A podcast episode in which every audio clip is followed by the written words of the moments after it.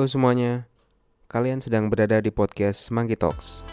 Episode ini adalah sambungan dari episode sebelumnya dengan topik kita dan transportasi kota. Selamat mendengarkan. Apa yang kalau di Jakarta ini udah kelihatan sedikit demi sedikit ya arahnya ke situ tuh udah Mhm. mulai kelihatan lah. Nah, bicara tadi kan an, istilahnya apa non motorized ya. Pokoknya yang Iya, non motorized. yang bukan kendaraan bermotor. Contohnya sepeda. Nah kan di Jakarta sendiri dari sisi pemerintahannya kan mencoba membuatkan arenanya lah istilahnya dibikinin jalur khusus. Intinya kan supaya eh, menjamin keselamatan kan dengan berbagi Mm-mm. dengan kendaraan atau pengguna jalan yang lain itu. Nah ini sebuah pertanyaan nih. Nek menurut kalian lebih penting di penambahan moda transportasi umum atau jalanan yang lebar. Maksudnya jalan lebar itu gini ya. Jalanan yang bisa mengakomodir banyak pengguna jalan. Tadi kan contoh paling gampangnya kan bisa mengakomodir mobil, motor, sepeda. Nanti kalau ada tadi apa skuter, skuter elektrik misalnya atau nanti ada skateboard, ada pejalan kaki gitu kan. Jadi kan makin lama butuh arena yang lebih lebar tuh. Nah, aku pengen tahu nek saka akeh piye. Menurutmu ki sing nek iki pribadi wae lah. Kamu sendiri berharapnya apa sih? Jalanan yang lebih lebar atau eh, transportasi umum yang makin banyak, pilihannya makin eh, beragam sama trayek yang makin luas. Menurutmu sing ndi? Iya tetap transportasi umum sih. Karena mau nggak mau, apalagi kalau aku mungkin ngelihatnya di karakter masyarakat ya. Secara umum kayak misalnya istilahnya kayak satu orang satu motor gitu loh di keluarga gitu. Satu satu keluarga kita bisa empat motor sih kita. Nah, makanya jadi kalaupun misalnya anggaplah di Semarang itu mau di jalannya digedein kayak gimana juga ya nggak usah Semarang deh Jogja itu loh isinya motor semua iya. Kita paham jadi kan tetap aja baliknya kita sebenarnya butuh memang di ini transportasi umum. Cuman memang eh, masih banyak hal yang kupikir harus ditambahin atau di dan disosialisasikan ya. Kayak misalnya trayek atau tempat tunggu yang Seharusnya. Ah, lebih lebih apa sih ya? Nggak nggak terlalu jauh gitu terus kayak misalnya ya mungkin itu juga ide yang cukup bagus sih lebih lebih apa ya lebih lebih asik aja ketika trotoar itu gede gitu jadi eh nggak umpak-umpakan apa sih padat istilahnya penuh sesak. ah, ah nggak sesak misalnya kalau trotoar gede itu kan enak gitu Oh, trotoar makin gede itu berarti warung pecel lele makin luas. Oh. Satu tingkat warungnya. Oke, tadi kan Tapi memang itu sih ya. Kalau mungkin cenderung kalau di sini ya aku ngeliat lagi di Malaysia gitu kan ya emang udah beda sih ya. Kalau di sana emang jauh lebih tertata gitu. Tapi itu sangat bisa ditiru sih sebenarnya. Cuman balik lagi ngelihat di karakternya masyarakat yang kadang-kadang susah diatur di di dalam di dalam apa sih KRL di dalam apa gitu masih makan lah duduk sembarangan atau buang sampah sembarangan itu kan juga butuh butuh Tapi- waktu untuk membenahi itu semua. Oke, sedikit komentar ya nek aku ya. Aku melihat nih Hmm. iki sakjane lucu-lucu aneh piye nek nganggo ya. Jakarta ya, Hmm. Jakarta. Jakarta itu punya kayak anggap aja kita membandingkan dua moda ya. KRL karo MRT, podo-podo kereta loh. Tapi kelakuannya iso Hmm. beda banget. Kui kok iso ayo. Bingung toh. Awalnya loh ya, awalnya. Jadi waktu awal waktu awal-awal MRT waktu itu belum ada yang namanya diperkenalkan apa eh, himbauan untuk misalnya ada eskalator gitu ya berdiri di sebelah kiri berjalan di sebelah kanan itu kan salah satu hal yang disosialisasikan oleh KRL intinya supaya mengurai ini loh kepadatan di peron dulu nek pad peronnya kan nek Hmm. pas jam-jam rame kan kebak banget kan. Wih iso jorok-jorokan sampai dorong-dorongan bahkan ada orang yang mau mau jatuh tuh kayak itu di tanah abang tuh drama tiap hari tuh aku udah kenyang banget. Nah melihat ke MRT pemandangannya kontras banget gitu. Jadi kayak di MRT itu cuma dikasih tanda pokoknya di kiri diem ya di kanan jalan itu udah langsung otomatis orang nurut gitu. Lah padahal kan orang yang menggunakan KRL dan MRT itu kan orang yang sama. Yuk beda-beda tipis tapi kan aslinya wongnya podo wae. Pemane orangnya tinggal o- orangnya kerja di Sudirman misalnya. Dia ke ke pulangnya ke Bintaro misalnya. Ya dia naik MRT juga naik KRL juga gitu. Tapi ada perbedaan ini dan aku ngelihatnya tidak mau membandingkan masalah oh, oh, eh, apa pengguna KRL itu kurang baik dan pengguna MRT itu lebih baik. Enggak gitu poinnya adalah Hmm. ini orang tuh bisa diajari loh nyatanya nganggo Oh nganggo iya. aturan kuwi Oh. iso ngono loh jadi kalaupun ada orang yang eh, masih buang sampah sembarangan atau makan di kereta intensitasnya berkurang terus mulai mulai berangsur-angsur punah lah kelakuan-kelakuan tuh lama-lama ntar punah butuh waktu tapi Hmm. punah lama-lama nek nek nek nek menurutmu ya Mas Adrio ke ini menarik ini Mas Mas Andri. Jadi kenapa pengguna MRT itu misalnya dokter tertib dari awal bisa kenapa eh, komuter lain KRL itu eh, begitulah istilahnya. ya Kita bisa lihat dari beberapa sudut. Pertama, harga beda Mas. Nek sampean naik KRL jauh banget, kuwi telung ewu, tiga ribu, empat ribu, enam ribu misalnya. Nah, ya, yang kedua kan kalau misalnya kita dari Lebak Bulus ke Bundaran HI empat belas ribu, mahal. Itu udah, itu udah terfilter satu. Yang kedua ada namanya rute kulon. Nah, rute kulonnya ya, rutenya. Nah, ini rutenya Mas Andre nih, menarik. Rutenya Mas Andre ini kalau sampai eh, Parung Panjang, eh, enggak sampai Serpong itu beda orangnya Mas. Tapi ketika yang Rangkas, yang Maja masuk, Yon Sewu ya, mohon maaf itu kan beda gitu loh. Mereka ini baru berapa tahun ini mencoba moda baru ini. Sebelumnya Iya, iya. menggunakan kereta yang ha, kereta yang berbeda. Nah, betul. Nah, moda baru ini pelan-pelan mungkin mereka akan bisa berubah, Mas. Cuman takes time itu, butuh waktu yang lumayan lama. Tapi kalau Mas Andre dari pagi setengah mm, setengah lima itu udah naik kereta, itu akan melihat bagaimana penjual-penjual itu membawa dagangannya yang sangat banyak iya dan mereka dikasih waktu tuh dikasih waktu pagi nah gimana yang pagi itu suka ada yang mungkin ya agak meludah splitting di eh, peron apa-apa ada. Iya yang betul. makan bawa nasi tiba-tiba apa ada. Jadi dia kayak semacam membuat mereka akan modern tuh iya pelan-pelan. Tapi kayaknya untuk waktu dekat belum bisa karena emang itu loh eh, dalam tanda kutip kulonnya itu loh kulon sama eh, nah sama yang Bogor. Bogor Bekasi ini juga eh, kalau mungkin sampai Depok itu juga masih mending mas. Jadi kalau ke Bojong ke macam-macam nah ini orang-orangnya sudah mulai eh, harga murah ini loh mas sebenarnya filternya. Seperti aku loh melihatnya seperti itu. Iya. Jadi kayak semua bisa naik everyone can fly kalau AirAsia kan? Nah ini everyone can semua bisa naik kereta kayak gitu. Ya nggak apa-apa sebenarnya.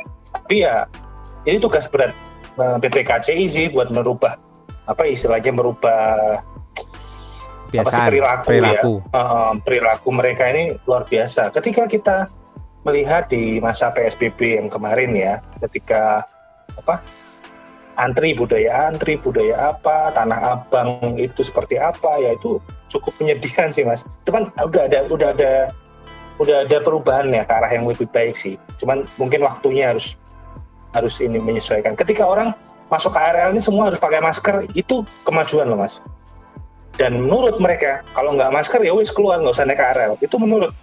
Ketika semua membayar pakai eh, tiket elektronik non cash nurut semua harus mau. Kalau enggak ya enggak gitu. Padahal kan itu sebagai apa ya dipaksa tuh mas untuk iya betul. berubah. Hmm, ya dipaksa. itu. Dan kita butuh sebenarnya butuh paksaan sebenarnya. Nggak bisa dengan eh, apa dengan voluntarily persuasif suka yang sukarela. Ya ya ya nggak. Heeh. Nggak bisa itu Indonesia tuh butuh paksaan sebenarnya ketika berubah dari KRL yang zaman dulu yang kita masih bisa duduk di atas gerbong nah sampai ke KRL yang sekarang kan butuh tangan besi sebenarnya kan zaman biyen ki wonge ra Gitu. dikasih dikasih apa namanya kayak pe- penghalang bentuk rantai ini ya wae do naik Iya. Mungkin mungkin Mas Andre kalau pulang ke Jogja dulu naik eh, kereta Progo itu di Wates itu ada ewer-ewer tau gak Mas? ada ada ada ada itu ada itu Apa? Apa ya? Wah, legend itu pokoknya setengah setengah walu isu masuk Wates itu saya ngamen ewer-ewer ada itu itu pengamen waria Oh, oke. dan kan sekarang berubah kan betul betul betul perubahan itu kelihatan kok sebenarnya maksudnya gini ya kalau dikatakan kita masih kurang lah ada ada ada orang yang kelakuannya masih kurang baik belum nurut segala macam ya lama-lama pasti akan berubah gitu. Ini bukan kondisi yang selamanya. Nek pamane mau membandingkan yang terburuk ya cobalah main ke Pakistan atau ke India deh. Kalau sekali waktu aja ke New Delhi baru dua hari paling aku mending ning Tanah Abang tapi kalau ini mis misalnya apa? Berubah di KRL MRT oke. Sekarang kita ngomongin Transjakarta Mas. Oke. Nah, kalau oke, sekarang kita ngomongin dari pers- eh, perspektif lain. Soal orang-orangnya dan soal eh, apa ya? Aroma, ya aroma ini menarik. Aroma. Eh, eh, ini saatnya Rexona boleh masuk sebagai sponsor. Nah, itu kalau saya jadi marketing Rexona udah masuk di Jalur Kulon sama di Transjakarta banyak.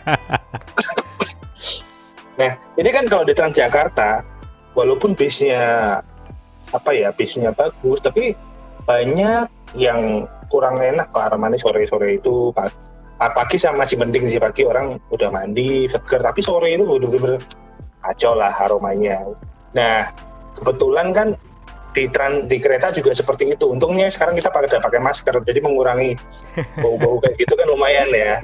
Coba tapi kalau Mas Andre ke MRT mau pulang mau pagi Iya. beda gitu loh. Wangi, Nah, ya, wangi terus ya. ah, kayak gitu. Iya iya iya. Ya gitu istilahnya kayak ada lah eh, apa? Waktu itu inografi sih apa ya eh, perubahan kayak gitu lah Ya itu dinamika kalau aku bilang sih. Eh, karena transportasi ini berarti kan menunjukkan bahwa dia itu dipakai oleh banyak kalangan gitu kan. Anggap aja ya, terutama yang tadi backbone ya kan Transjakarta masih backbone. Sebagai tulang punggung ya dia dipakai banyak kalangan sehingga yang kalangan yang menengah dan yang tidak menengah pada jerit gitu kan. Waduh, untuk parfum enak iki sepanjang perjalanan gitu kan. Ya itu salah satu suka duka nih aku lagi ngomong ngono lah. Nah aku ngomong suka duka. Kadang ya juga ada drama-drama di KRL gitu ya misalnya. Itu kayak misalnya rebutan kursi di antara perempuan itu kan masih ya. Masih itu. Tapi poinnya adalah ini orang berarti memang sangat mengandalkan transportasi ini gitu. Bahkan mereka sampai rebutan gitu. Jadi Hmm, betul betul. poinnya adalah kita semua itu butuh gitu ya. Transportasi ini kepake gitu. Kalau dikatakan buat apa investasi mahal-mahal monorail atau LRT percayalah itu nanti akan akan istilahnya menuai hasilnya tuh ke depan gitu loh 10 Betul, Mas. tahun 20 tahun ke depan itu akan menjadi sebuah saran yang paling diandalkan lah saya ini pamane ngomong ke KRL loh sistemnya KRL ini ke zaman Belanda kan itu kan Betul. sistem yang sudah sangat tua sekali tetapi sampai sekarang orang masih pakai dan menjadi tulang punggung Jabodetabek gitu ya. kayak gitu nah betul mas saiki nek nek menurut eh, Mas Satrio karo akeh lah. Transportasi kota ini ya kita bicara dalam lingkup kota we lah. Transportasi kota ini tuh idealnya itu ha- hasil dari keputusan politik. Jadi istilahnya oh nanti janji-janji dari seorang pemimpin kota itu atau daerah itu saya mau bikin sistem baru misalnya kereta atau tram misalnya gitu ya atau apa gitu. Atau atau rakyatnya nih teriak-teriak woi woi bos tambahin dong trayeknya nih tambahin sini. Karena eh, aku sedikit eh, sharing dikit lah. Eh, di beberapa waktu yang lalu aku lihat di salah satu media di Amerika ya Fox pakai V dia mengatakan bahwa di di Amerika itu terjadi, kekusutan trayek atau rute transportasi umum. Jadi ini imbas dari eh, sistem atau keputusan politik yang tidak ramah kepada masyarakat umum gitu ya jadi orang menghitung waktu waktu yang dia buang untuk menunggu kendaraan umum gitu ya atau rute yang dia ambil itu nggak efisien. Misalnya kalau naik naik bis misalnya naik bis dia harusnya sambung dengan jalan jalan kaki total total dia butuh waktu 45 menit. Dia bandingkan dengan misalnya naik mobil naik mobil dia bisa 40 menit. Nah 5 menit itu dia hitung gitu loh wah bisa lebih hemat gitu. Jadi masih dianggap efisien. Ini kan berarti kan eh, kondisi yang tidak ideal sehingga orang nanggung toh. Ah nek num nek numpak bis engko ndak macet ndak kudu mlaku meneh. Aku wis dandan wangi mending numpak mobil kan kan. Nah berarti kan ini ada kebutuhan-kebutuhan masyarakat yang idealnya juga bisa direspon lah sama eh, pengambil keputusan ya kan nah ini aku juga mungkin Mas Satrio mungkin nanti boleh cerita ya. Eh, sistem kita toh yang sekarang ini kita di Indonesia ini terutama di kota-kota itu transportasi umum itu yang ngelola itu tingkatnya eh, provinsi atau kota atau ditentukan oleh Kementerian Perhubungan pipi ya Jadi gini mas, ini cerita ya yang lumayan apa ya, politisnya ada, non politisnya ada, bisnisnya ada. Transportasi umum ini kan sebenarnya untuk masyarakat. Iya Jadi kuncinya harus ada dari pemerintah nomor satu, menjamin ketersediaan transportasi umum. oke Ada Perda nomor 15 tahun 2004, nomor 5 tahun 2014 mengenai transportasi itu ngatur lengkap. Ada telah transportasi laut, darat, air, eh, air ah, perairan, laut, eh perairan, sorry perairan, darat, eh, udara, dan rel. Nah itu mereka diatur di situ semuanya. Nah kenapa Jakarta paling layak mas? Karena Jakarta APBD-nya gede sekali ya dan kuat untuk Hmm, membangun oke. transportasi massal itu bisa. Nah, kenapa Tangsel nggak kuat ya? Tangsel nggak punya duit, mas. Tuh, nggak punya duit untuk membangun, nggak punya duit buat subsidi tiket, ya gitu. Yang penting, yang penting itu di transportasi umum itu ada yang membangun. Nah, entah itu duit dari APBD, APBN, nah, ataukah ada investasi swasta. Yang kedua, ada yang membayar operasionalnya, gitu. Transportasi umum ini nggak akan untung mas sebenarnya. Masalahnya itu. Dan itu yang membuat investor-investor itu tidak mau untuk investasi di transportasi umum dibandingkan membangun jalan tol. Iya, jalan tol udah pasti Nah. dapat dapat dari pungutan pengguna tolnya ya. Betul, ada dapat jelas misalnya sekali masuk tuh kali 15 ribu gitu kan, Hmm. jelas gitu berapa kali. Nah ini kita kalau dikasih harga tiket normal, misalnya Mas Andre dari Cisauk ke Tanah Abang dikasih harga normalnya misalnya 25 ribu, ya mikir tuh Mas, gitu loh. Sedangkan orang kalau naik tol, Mas Andre numpak numpak mobil ke Jakarta kan naik tol 25 ribu ya wis lah memang itu pilihannya gitu kan cepet tapi kalau disuruh naik transportasi umum 25 ribu wah larang kayak gitu. Iya, heeh, Nah. benar. kita itu ada baik buruknya yang pertama subsidi itu bagus buat rakyat. Murah terjangkau. Tapi subsidi itu nggak mendidik mas sebenarnya. Subsidi transportasi umum itu nggak mendidik. Jadi kita dari tahun 2000 berapa ya? Tiga ya? Eh, 2004 atau 2006 tarif Transjakarta itu 3.500 Buset, sampai, sampai, sekarang. ya? 2020 2500 sebenarnya Mas Andre tahu nggak Transjakarta itu kalau nggak disubsidi berapa Nggak tahu. 12.500 Mas tarifnya Buset. Bentar itu 12 setengah itu flat rate atau masih ada per kilometer ya? kalau bisa dihitung ya itu udah rumus ya Mas kayak misalnya eh, jauh dekat apa ya bukan jauh dekat ya kalau apa ya itu itu kayak semacam rumus udah ada rumus Ya, kalau oke, oke. Heeh, kalau sekarang 3.500 itu udah mencakup semua gitu kan Mhm. Nah, ini 12 setengah itu yang satu orang per orang gitu mencakup. Nah 12.500 disubsidi dari mana? Dari APBD DKI. Jadi dari 12.500 ke 3.500 ya. Ya, nah. APBD DKI itu berapa triliun yang mensubsidi itu? Nah kemarin itu totalnya 3,2 triliun mas. Wow. Bayangin, itu berapa berapa berapa berapanya APBD Tangsel? Pertanyaanku itu gitu loh. Semisal sekarang Tangsel subsidi ada, dia sampai 800 m, apa sanggup? Padahal APBD ini 4 T. Ya itu semacam seperti itu loh. Oke. Nah. Ini menarik. Menarik lah. Nah, Hmm. kenapa swasta nggak mau bangun? Betul. Itu proyek MRT itu MRT Jakarta itu sebenarnya tarifnya 40.000 mas.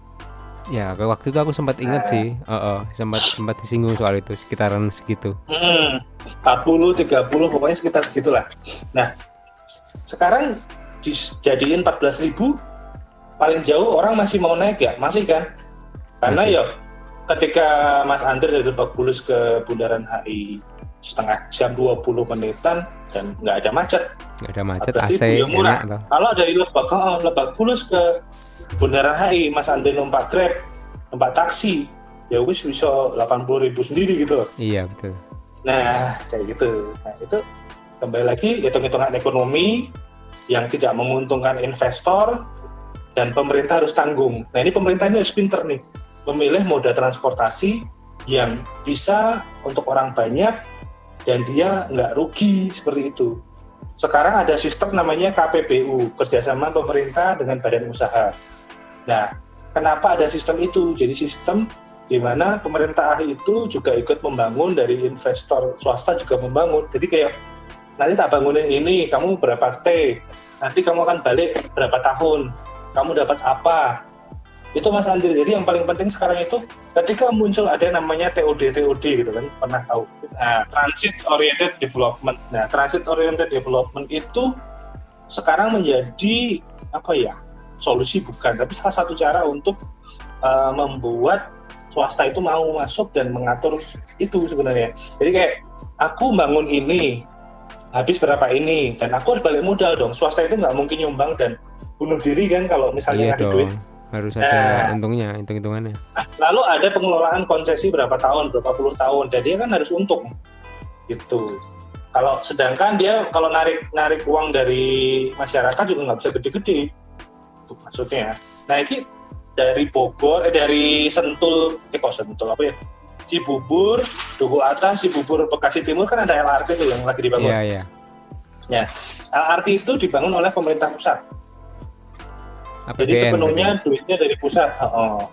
Nah itu eh, kok bisa ya bisa karena APBN support full.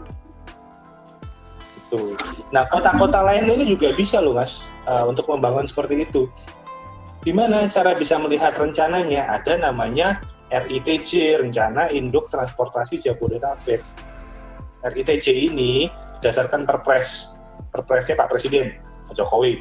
Ini sudah mengatur Tangsel ini bisa bangun apa saja, Oh. Eh, Depok apa saja, semua udah ada di situ. Jadi kalau Mas Mas Andre jadi wali kota Tangsel nih, Dia tinggal harus nurut itu ya. saya eh, misalnya Mas Andre wali kota, Mas Akai wakil, aku butuh ngopo ya? Tenang, Mas ono panduan nih Mas gitu loh. Jadi, oh kira-kira aku di Tangsel ini mau bangun eh, LRT, totalnya berapa kilometer, berapa triliun, masuk akal enggak? Wah kemahalan. Aku memilih alternatif kedua, bangun BRT, bus rapid transit. Iya, BRT. Jadi kayak trans, trans trans Banten apa-apa. Bisa. Atau membangun yang lain. Ada itu mas anu nih apa namanya? Eh patokannya ada. Seperti itu. Oke. sekarang di bawah presiden itu ada Kemenhub Pak Menhub. Itu mengatur seluruh Indonesia. Nah untuk Jabodetabek dibentuklah BPTJ Badan Pengelola Transportasi Jabodetabek nah ini di bawah Kemenhub itu buat ngatur, mengkoordinasikan daerah-daerah Jabodetabek supaya mau untuk eh, dikoordinasikan. Tapi kenyataannya hingga sekarang susah karena ini eh, BPTJ itu dibentuk kementerian Oke. yang akhirnya bawah-bawahnya itu kayak pemerintah daerah itu nggak manut sama BPTJ. Hmm. Jadi kayak BPTJ akhirnya kesulitan untuk mengkoordinasikan ini. Gitu. Eh, itu masalah besar gitu mas kalau nggak diselesaikan.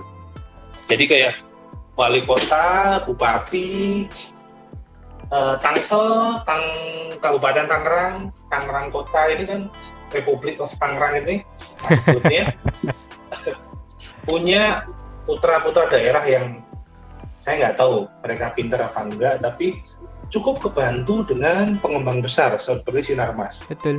terutama di Kabupaten Tangerang dan Tangsel. Nah, Iya, betul. kalau nggak ada Sinarmas Group, nggak ada pengembang-pengembang besar, eh, mohon maaf, kayaknya nggak akan berkembang semaju ini gitu.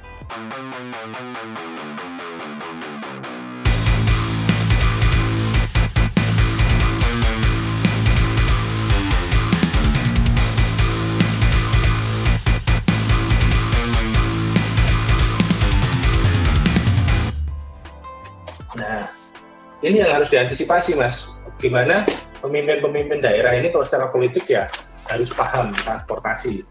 Itu tapi yo susah untuk menemukan orang yang paham ini mas sebenarnya. Karena pembisik-pembisiknya juga Yon Sewu itu teman-temannya yang belum tentu tahu transportasi seperti itu. Ya gimana ya? Itu sebuah realita yang harus ditelan sih kalau kita bicara di Tangerang sini kan betul. Eh, itu kerasa kok kalau misalnya kita bicara di BSD misalnya ya, Sinarmas ya. Kalau- karena dia kan Sinarmas itu kan eh, bukan Sinarmas sih BSD-nya ya. Bumi Serpong Damai ini kan udah dari tahun 80 dan kalau kalau kita bicara riwayat sejarahnya itu kan kota mandiri pertama bikinan pemerintah pusat gitu ya.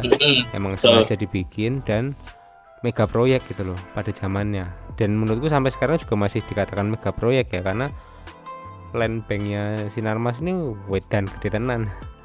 Super besar kayak kayak ranu tandingannya lah. Saat Indonesia ki masih nggak ada tandingannya untuk bicara secara luasan lahan yang dia punya ya.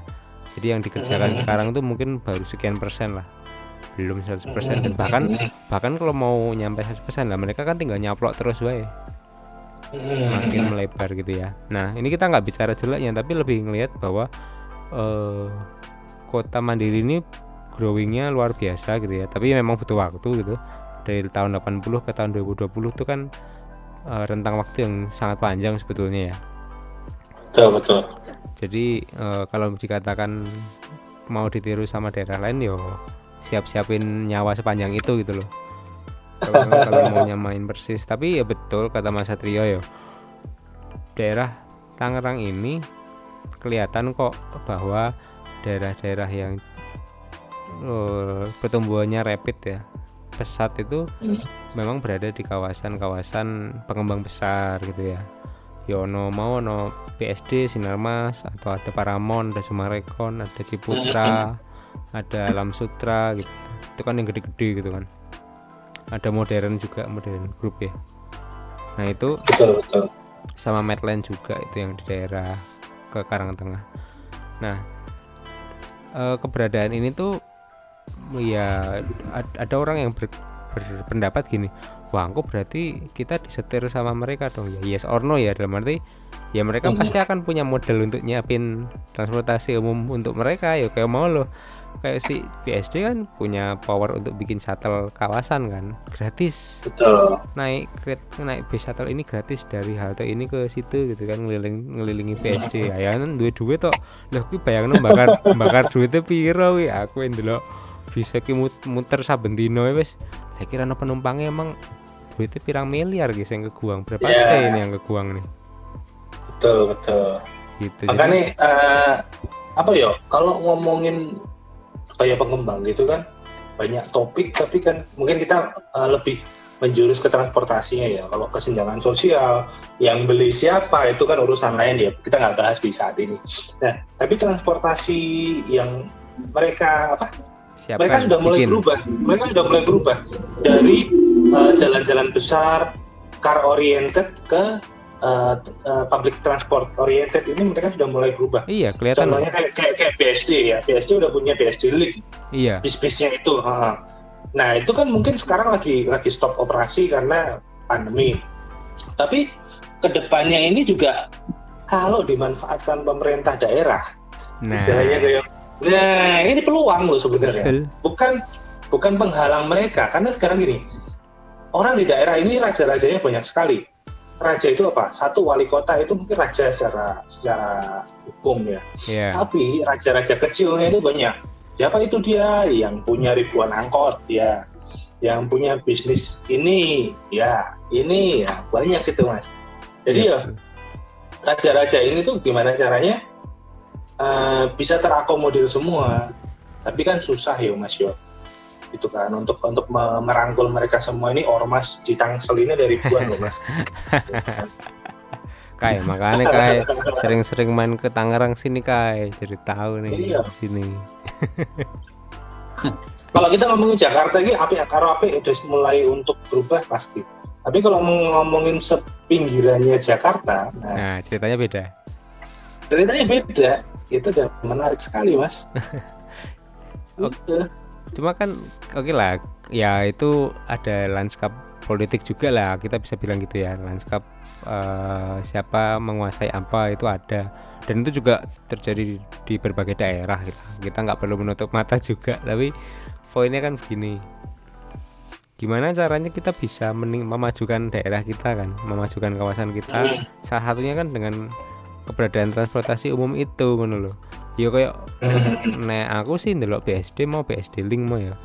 Sekarang gini misalnya kita berkaca ya rumah di BSD itu kan nggak ada yang 1 m. Iya benar. 1 m lebih gitu loh.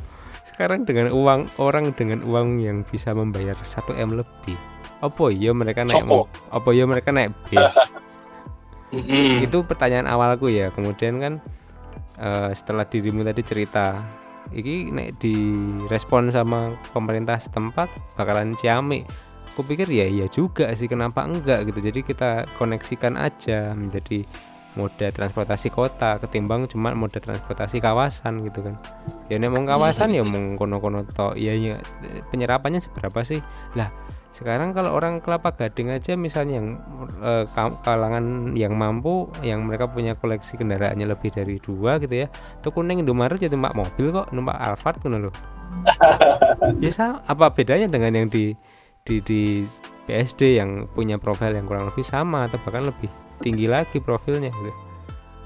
Jadi eh, ini menurutku secara inisiatif ya sistemnya ini wes apik yo si pengembang ini wes menyediakan diri membangun sistem kan. Tinggal direspon ya iki secara teori ya kita ngomong teori ini baik Teori gampang beto kalau uh, pelaksanaan. Nah, ya jelas. ya cuma kadang aku berpikir gini loh ya oke lah ini kita di Jabodetabek kan dibantu oleh eh, swasta yang punya model yang super besar gitu kan.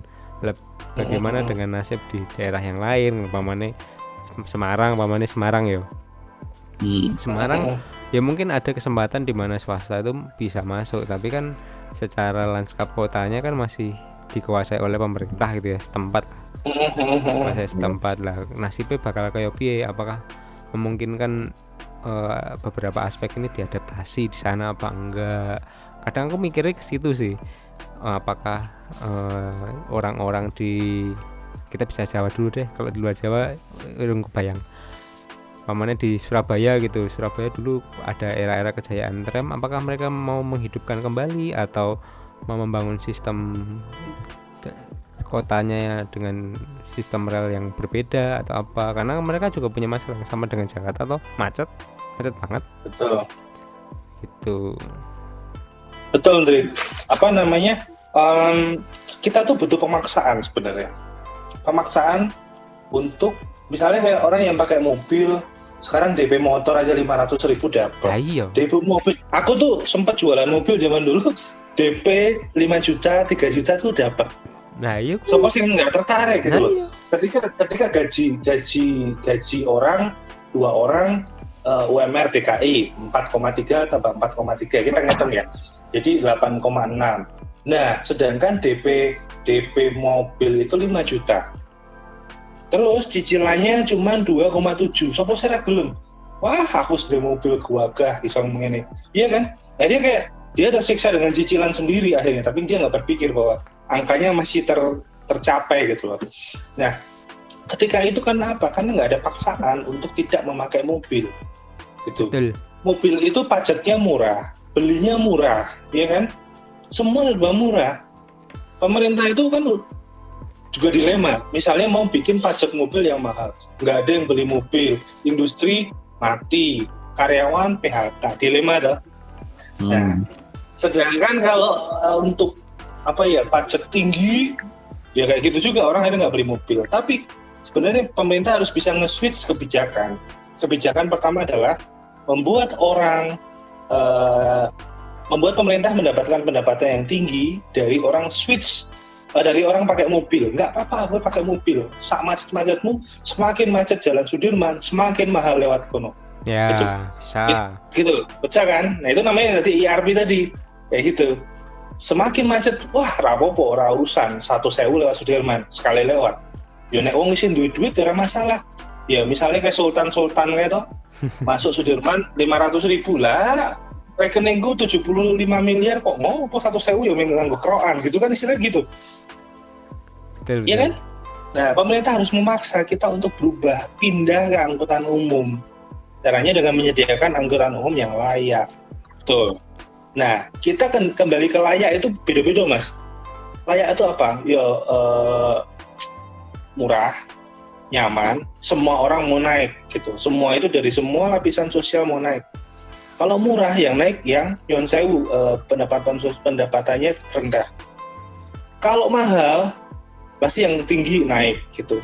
Kalau sedang ya kita harus benar-benar semua kalangan mau naik yang pakai tas LV mau naik kereta ya kan yang pakai sendal jepit swallow juga mau naik kereta nah tapi ya agak rumit ketika orang yang eh, biasa pakai parfumnya 2 juta 3 juta ketemu orang yang nggak pakai deodoran pasti nggak mau mas. Sebenarnya gitu. Nah, iya. iya kan? Itu dilema lagi. Wih kudu sinau sosiologi apa sosial apa apa lah. Psikologis. Ah kuliah meneh gitu soalnya soalnya gini loh. Aku aku awal berpikir gini kadang kadang sekilas tuh mm, menggelikan ya. Apa mosok karakteristik orang diukur dari parfum atau apa namanya aromat badan. Tapi realitanya begitu ya. Itu ada Nah, iya, ada ada istilahnya ono studi nih lah kira-kira ngono. Ada mungkin kalau kita melempar survei ya hasilnya kurang lebih seperti itu gitu ya. Tuh gue realita mas. Itu jadi kayak mau teori mungkin nggak ada tapi itu realita yang apa namanya yang benar-benar terjadi. Aku tuh selalu ngomong dari dulu iki opora dong ngeh yo mambu koyong ini sih tahan. Aku enak banget nyon sewu ya. Aku enak banget dengan mambu koyong mambu kelek loh kayak itu pengen tak tuh ke Rexona mas gonen Rexona aku. Gitu loh. Mungkin di pas pas ngomong Rexona di tit Apa ya? gitu gitu loh kayak mungkin mas mas apa mas Ake nggak Hmm. pernah mengalami karena nggak pernah berada di angkutan umum yang padat orang dan setiap harinya. Mas Andre mengalami ketika komuter lain jam jam pulang kantor desek-desekan tangan pada ke atas pegangan. Ngelundase Wah, ngelundase wah. tenan. ngeluh. Aku awal-awal ini mas mas Andre apa? Awal-awal bos wah kok ini suwe-suwe. Gue masker kan?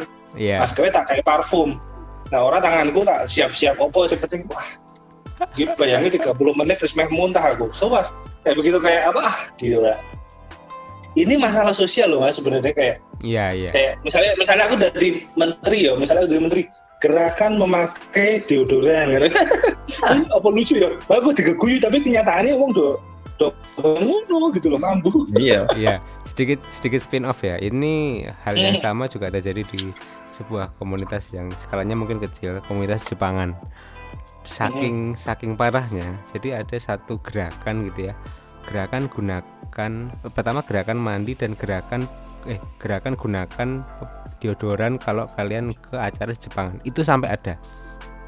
oh no mas Ada, ada. Saking saking ya. saking parah itu terutama di Jakarta karena kan Jakarta intensitas pensi atau acara Jepangannya kan lumayan kenceng ya.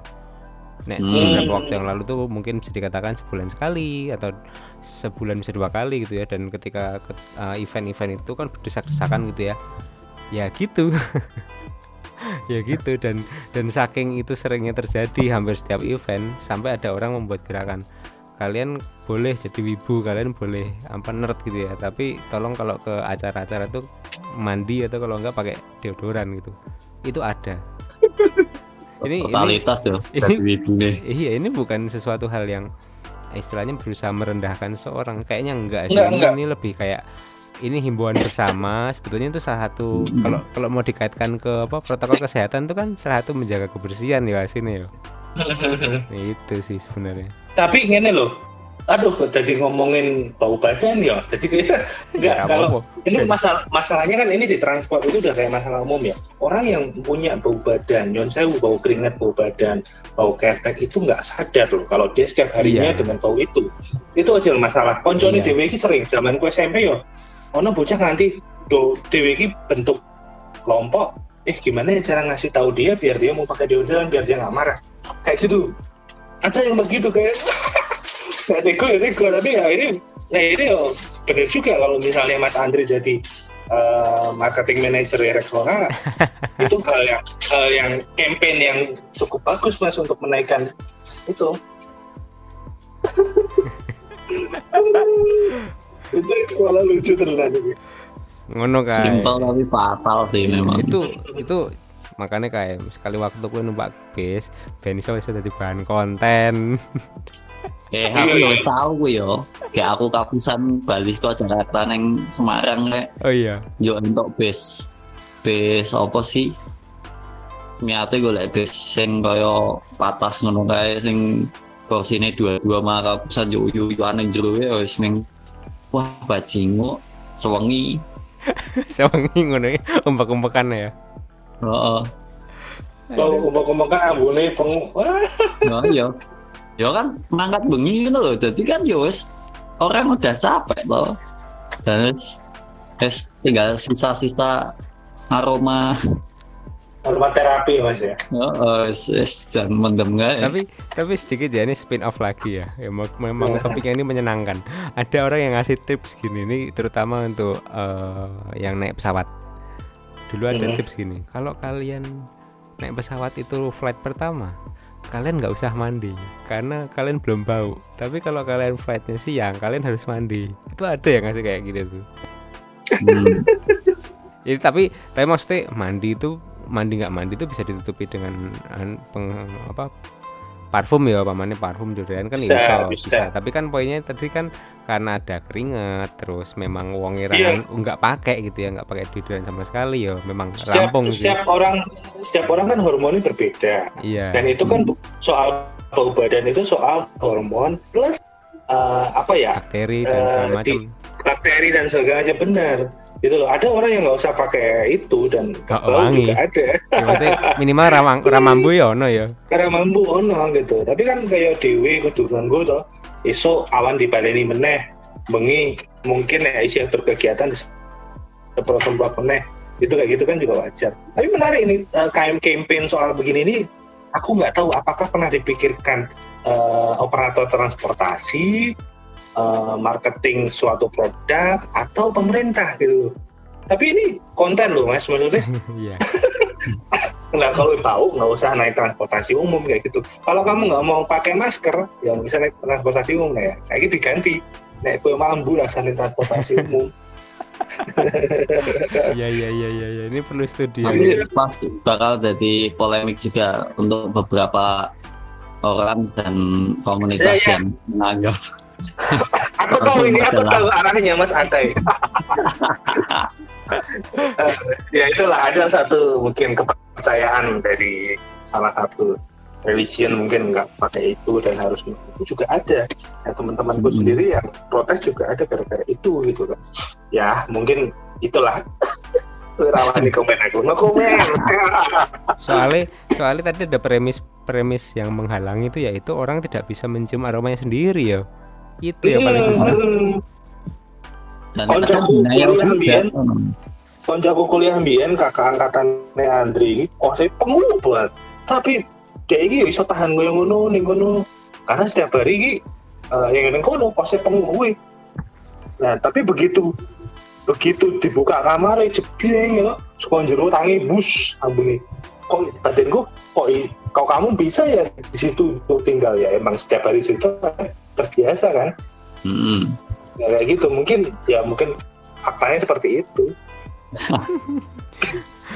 Iya iya iya ini ini kalau teman-teman yang dengerin podcast ini kalian pengen menjadi calon-calon perencana tata kota untuk terutama transportasi kota mungkin satu persoalan yang perlu kalian selesaikan pertama kali itu yaitu adalah bagaimana orang menggunakan deodoran. Terima kasih telah mendengarkan podcast Monkey Talks. Kalau kalian suka dengan podcast ini, share di Instagram dan ikuti terus podcast Monkey Talks di Spotify, Apple Podcast, dan juga di YouTube. Sampai jumpa di episode berikutnya.